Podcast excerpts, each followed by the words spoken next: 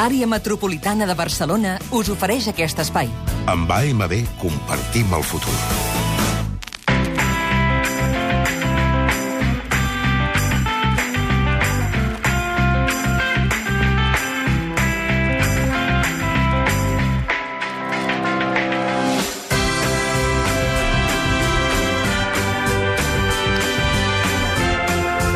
Estem a punt de cap de setmana, queda encara una estona de programa, Ah, anava una hora i quart, una hora i quart, de eh? Programa, tan en ràpid, què eh? passaran moltes coses. Vindrà el Creixell. Ens preguntarem què li passa al Barça. Ah, que- Si és que li passa alguna cosa, No no sé. guanyarem res aquest any. Potser no. No, no guanyarem res? No estiguis trist, va. No, Ah, No parlis abans de que se'n presenti. No, Perdó. parla, parla. Uh, vindrà la també... ràdio. A la ràdio no- t'han de presentar perquè tu puguis dir coses. ah, però com que ella és així molt de l'equip i va ser? estar allà dins i ho Es mana pensa tot, que- es pensa sí. que pot entrar Fa aquí. un merda. Sí, vam fer un merda aquí. Vam fer el pot merda. passar- eh, eh, eh, t'estàs pagant tres pobles, eh? Val. Mm. Puc continuar? Sí. Després tindrem la Maria del Mar Tort. Ah, Ep, sí. sabeu qui és la Tothom Maria del dret, Mar Tort? tothom dret, La tarotistes. tothom dret. Recordem que Maria del Mar Tort Exacte, és la tarotista que ha fet pronòstics tan acurats com la consulta del 9-N jo veig que no es farà si no es reformula. Si hi ha un canvi en la reformulació, s'acabarà fent el 9 de novembre.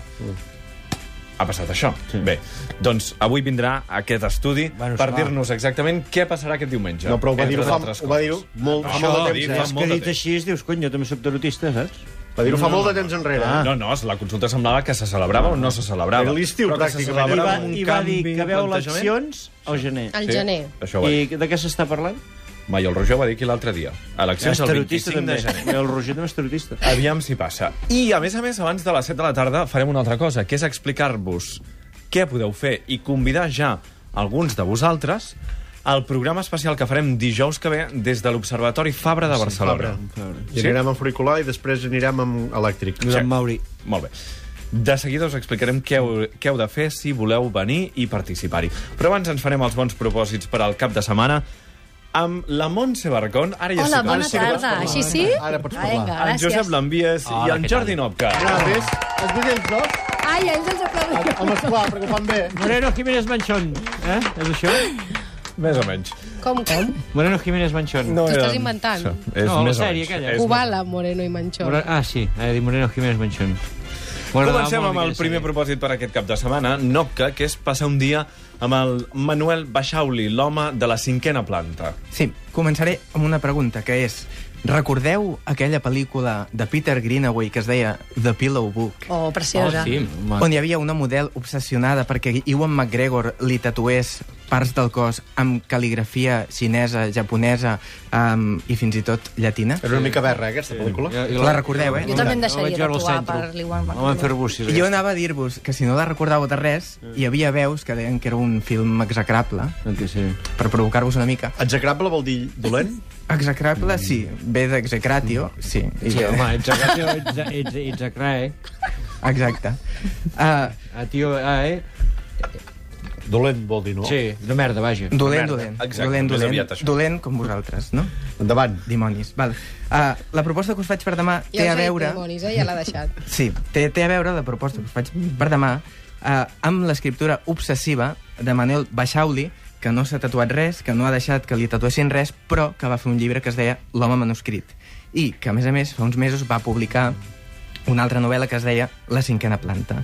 Demà, dissabte, Baixauli serà a l'Art Santa Mònica de les 11 fins a les 2 del migdia per trobar-se amb els lectors i jo us diria, eh, aneu ràpid, eh, truqueu pitant a l'Art Santa Mònica, que és 93567 1110. Truqui, I- Ramon. I, i inscriviu-vos a aquesta eh, trobada perquè valdrà la pena. I, a més a més, sí, eh? Després voleu eh, dinar amb l'autor, això sí, Ah, sí. haureu de pagar 14 euros, Bueno, bueno. però compartireu una, una estona agradabilíssima amb ell. Boníssim, pots anar a dinar amb ell. Ah, sí. Doncs normal, anar... I de copes i tot, tot. Es I pot de 14 tot. euros un menú de dissabte és, Però no. és molt moderat. És, és Està molt bé, és superbé. veritat. I com és que s'hi presta aquest home a fer això? Per què no? Però es pot trobar gent molt rara allà dinant amb Perquè ell. li agraden els lectors, se'ls estima, Sí, ja és pots algú comptar. que, que, que adora aquest contacte. I Per explicar-vos una mica de què va la cinquena planta, he triat una música intrigant, que és la cançó de Laura Palmer. Laura Palmer torna a estar de moda perquè Twin Sí. Peaks tornarà. Oh, que bé. Ah, i això ens agrada molt a tots.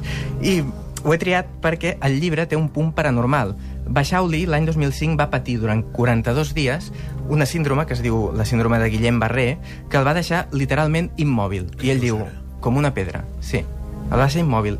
Llavors el llibre el que fa és partir d'aquests dies i no explicar necessàriament tota la malaltia, sinó com el personatge se'n recupera i com reprèn el seu dia a dia.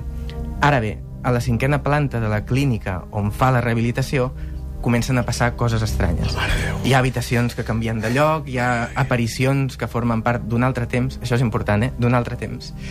I jo us diria que si en voleu saber més coses, el que heu de fer és acudir al llibre o demà a l'autor i preguntar-li Una tot. pregunta. Aquesta cinquena planta és al mateix hospital que el de la quarta planta de l'Espinosa? Mm, gairebé. Segurament Gairebé, però més ben escrita. Per, per saber-ho. Més ben escrita. I- Toma crítica. Més Toma crítica. Has vist? Toma crítica. Per això li he preguntat, eh? Per Ja que ell sap. 93 567 11 10 per si voleu apuntar-vos a aquesta trobada amb Manel, a Manuel Baixauli demà Baixauli. a l'Arts Santa Mònica de Barcelona des de les 11 del matí fins a les 2 del migdia i després, si voleu, podeu anar a dinar amb ell. 14 Ah, euros. Per 14 euros, exacte. L'envia, segon propòsit per aquest cap de setmana, que és una cosa terrorífica, despertar al costat d'un caníbal. Sí, o en el seu defecte, un home que diu que se sent com un caníbal de dibuixos animats. Llavis molt suts, un fèmur que li penja dels dos forats del nas i eh, que diu que està esperant que arribi el moment de bullir un altre ésser humà dins d'una olla. Ho diu de broma, però és un home bastant enigmàtic i és el mateix que canta això que escoltarem ara. On a gathering storm comes a tall, handsome man in a dusty black coat with a red right hand. Nick Cave, músic, escriptor i provocador de masses, per dir-ho en poques paraules. Un home que es tinta els cabells de negre i que cada matí se'ls pentina cap enrere amb una d'aquelles pintes de ferro que fan mal al crani i te'l deixen com si fos un camp llaurat eh, amb tot de línies de sang allà on hi hauria d'haver els solcs. I sé tot això perquè he vist eh, 20.000 dies en la Tierra, un documental brutal, sensacional, dirigit per Ian Forsyth i Jane Pollard, que es va estrenar al Beefeater inèdit el cap de setmana passat i que des d'avui ja es pot veure en cinemes. Us he dit despertar amb un caníbal perquè la pel·lícula comença al costat del llit d'en Cave, aquest autodeclarat antropòfag en to de conya. A la mateixa habitació on es va fer la sessió de fotos per a la coberta del seu disc Push the Sky Away. Fans de Cave, segur que recordeu l'imatge, és aquella dels porticons il·luminats amb la llum solar. I, com bé sabeu tots, on hi ha llençols i coixí, normalment també hi ha una mica de marro, així que aquesta és la gran oportunitat de conèixer detalls íntims sobre Nick Cave i de pas veure'l fent teràpia amb el seu psicoanalista. Entre altres coses, li explica que li agradava molt, quan era petit, vestir-se de dona amb roba de la seva mare. Uh -huh. De tota manera, que no us soni excessivament indiscret, no és d'aquelles pel·lícules que pretenen ventilar la roba bruta de l'estrella de rock. Eh, Nick Cave ha dit moltes vegades que detesta els documentals musicals, que li agrada només un de Led Zeppelin que es va fer fa molts anys, però que ara no ve el cas, i els dos directors, com que ho sabien, van pensar que si el volien convèncer perquè s'engresqués en aquest projecte, li havien de deixar, mm, primer de tot, coescriure el guió i, en segon lloc, eh, donar-li plens poders, plena potestat sobre el muntatge final. Així que, per molt que us, pensi, que us penseu que tot el que veureu en aquesta pel·lícula són aberracions i excentricitats, és tot material autoritzat, però encara així és la bomba. No acabo d'entendre què et passa pel cos quan et sents com un caníbal i més com un caníbal de dibuixos animats. Ho vols descobrir? Sí. Uh, doncs o mires un curtmetratge de les Silly Symphonies dels anys 30 o te'n vas a partir d'aquest vespre a veure la pel·lícula. 20.000 dies a la Terra, 20.000 dies en la Terra, un apropament a la figura de Nick Cave, que arriba avui als cinemes. Si les Symphonies poder no havia sentit mai, Feixedes. Jo no tinc un disco a casa. Pròxim propòsit, Barcon, pensar que la teva vida és de pinipon al costat d'algunes altres. Efectivament. Això és el que us pot passar si aneu al Teatre Lliure de Montjuïc. Aquest cap de setmana hi veieu Sonata de Otoño, l'adaptació que ha fet l'argentí Daniel Veronese de la pel·lícula del cineasta suec Ingmar Bergman. Quan els actors et fan creure de veritat tot allò que els passa, que a gust que es pateix. O sigui, et quedes malament, però, però a gust. És una barreja de, de patiment i plaer molt estranya. En aquest cas, el mèrit recau sobretot sobre Cristina Vanegas i Maria Oneto, que tenen temps d'instal·lar-se en aquest drama, però també tenen fiblades còmiques i iròniques que ens ajuden a digerir aquest dramón que és Sonata de Otoño. A mi m'agradaria parlar amb algun biòleg o genetista que ens expliqui què tenen els argentins que actuen tan bé. De veritat que necessito saber-ho. Mm. Què, què tenen? No sé si són tants anys de psicoanàlisi o, o, o què passa, però la veritat és que és una cosa seriosa. Eh? I així ho demostren en aquests 90 minuts de retrets entre mare i filla, aquests 90 minuts plens de dolor i de rancúnia. I si estimeu el teatre, jo no em perdria aquesta peça que fa mal i que reflecteix com pot arribar a pesar una família o a donar aire. Els argentins ho fan de carta clavada a la butaca, però a casa també tenim monstres de la interpretació. Eh? I si no em creieu, aneu a la sala de tallers del TNC a veure el president de Thomas Benhart. Us caurà la bava amb Francesc Orella i Rosa Renom. De veritat que és una lliçó d'interpretació increïble. El text és dens, són dues hores, són pràcticament dos monòlegs, sí. però paga la pena veure'l sota la direcció de Carme Portacelli perquè de veritat que estan espectaculars. Un, l'altre o els dos? Amb qui ens quedem?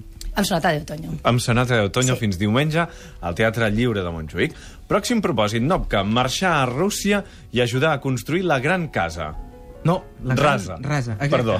Això mateix. Uh, val, sé que alguns dels reptes que us proposo de vegades um, són a primera, allò, primer cop d'ull, um, estúpids o fins i tot inassumibles, i de tant en tant, no pensis, quan eh? surto d'aquí de la ràdio, um, rebo comentaris... Et critiquen, no? Pejoratius, sí. No, per què? Ho malament. comentaris pejoratius i amenaces. estar. Per diuen burro. El dia de les gallines, per exemple, Sí. el dia de les gallines relacionat amb Patrick Modiano, vaig tenir molts problemes. I, I he de dir que això també té a veure amb el meu barri, que és un camp de batalla difícil. Però No dirà el assumiré, assumiré els riscos una vegada més Vinga, fot-li. i quan surti d'aquí eh, potser m'atropella una moto eh, i us diré que el que heu de fer ara és tornar a marxar corrents al Consolat de Rússia perquè us permetin entrar al país amb un visat de turista així express aquest cap de setmana. Llavors, un cop allà, encara que eh, arribeu a Sant Petersburg o a Moscou, el que heu de fer és tornar a anar corrents o en metro o amb algun transport així eficaç eh, fins a l'extraradi i llavors encara més enllà, eh, perduts en una estepa, trobareu un grup de treballadors que es dediquen a cavar i Una cavar rasa. i cavar. Exacte. Llavors, quan us acosteu, us adonareu que heu viatjat fins a l'any 1930. Sereu a dins de la Gran Rasa, que és el que tu deies, eh, d'Andrei Platonov, que és una novel·la fins ara inèdita en català, que explica com un grup de treballadors es dediquen sense parar a cavar, cavar, cavar per construir un gran edifici que allotgi la naixent classe obrera russa. Atenció. És un llibre contundent, eh, bastant desesperançador, diguéssim que no hi trobareu eh, grans eufòries, però al mateix temps és un retrat del comunisme bastant bo, eh, que explica les col·lectivitzacions i el primer pla quinquenal de Stalin. Una frase que ho resumeixi tot. És un llibre magnífic, aterridor, eh, terrible i, i que en sortireu destruïts. Uau, la rasa d'Andrei. Platonov, que ha estat traduïda per primera Ah, vegada sí. al Que- català i Platonov. que l'ha publicat a edicions de 1984. L'envies, pròxim propòsit, menjar... Platonet. Sí, Atenció, atenció al pròxim Calleu, propòsit, sisplau, que no s'ha d'estar molt atent també, per favor, perquè és molt fort. Digue'm. Menjar blat de moro entre els anells de Saturn. M'agrada fer que les coses sonin una miqueta més rares del que són en realitat. He de dir d'entrada per aquest nou propòsit que parlarem de Christopher Nolan, un cineasta del que jo m'he de declarar poc fan. A diferència de moltes de les meves amistats cinèfiles, eh, Origen és una pel·lícula que em carrega una mica i tot, tot i que tinc cert efecte cap a la trilogia del Cavaller Fosc, mm, sempre he estat una mica més de Superman. Però amb la seva última pel·lícula, que també s'estrena avui, Interstellar, la veritat és que m'ho he passat d'allò més bé. Primer al·licient de tots, Matthew McConaughey.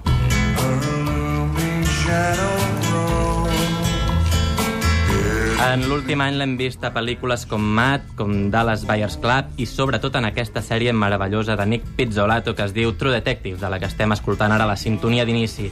I ara el seguirem en una aventura intergalàctica vestit de simpàtic astronauta en ple viatge estel·lar. L'argument està ple de sorpreses, així que convé posar el fre de mà i no explicar gaire més eh, del que vindrà a continuació. Sí que podem dir que Nolan situa en un futur no gaire llunyà en què el planeta Terra ha estat devastat per un núvol de pols sahariana, uh -huh. tothom és pobre i la gent només es pot alimentar de panotxes de blat de moro. Ah. Cosa que és clarament un altre element a favor de la pel·lícula. I l'última cosa que m'ha agradat eh, especialment és una seqüència Super 2001, una odissea a l'espai de Kubrick, en què veureu una nau espacial navegant entre els anells de Saturn. Impressionant. Així que avui, per primer cop, puc dir Ave Nolan, morituri te saluten. Jo veig una, un error perquè... Interstellar, segurament la gran estrena d'aquest cap de setmana de Christopher Nolan. És que el blat de moro s'ha de regar i si està tot devastat per aire saharià que és sec, doncs no el tindrem jo mai. de botànica no en sé res, Ja només de cinema. Hi ha un error. Ja un Qüestions error de regadiu, important. a mi no em vinguis a El blat de reclamar. moro no, no creixerà. Barcon, últim propòsit que ens fem en un minut, que és portar els teus fills a la discoteca i conèixer el DJ Gugu Gaga.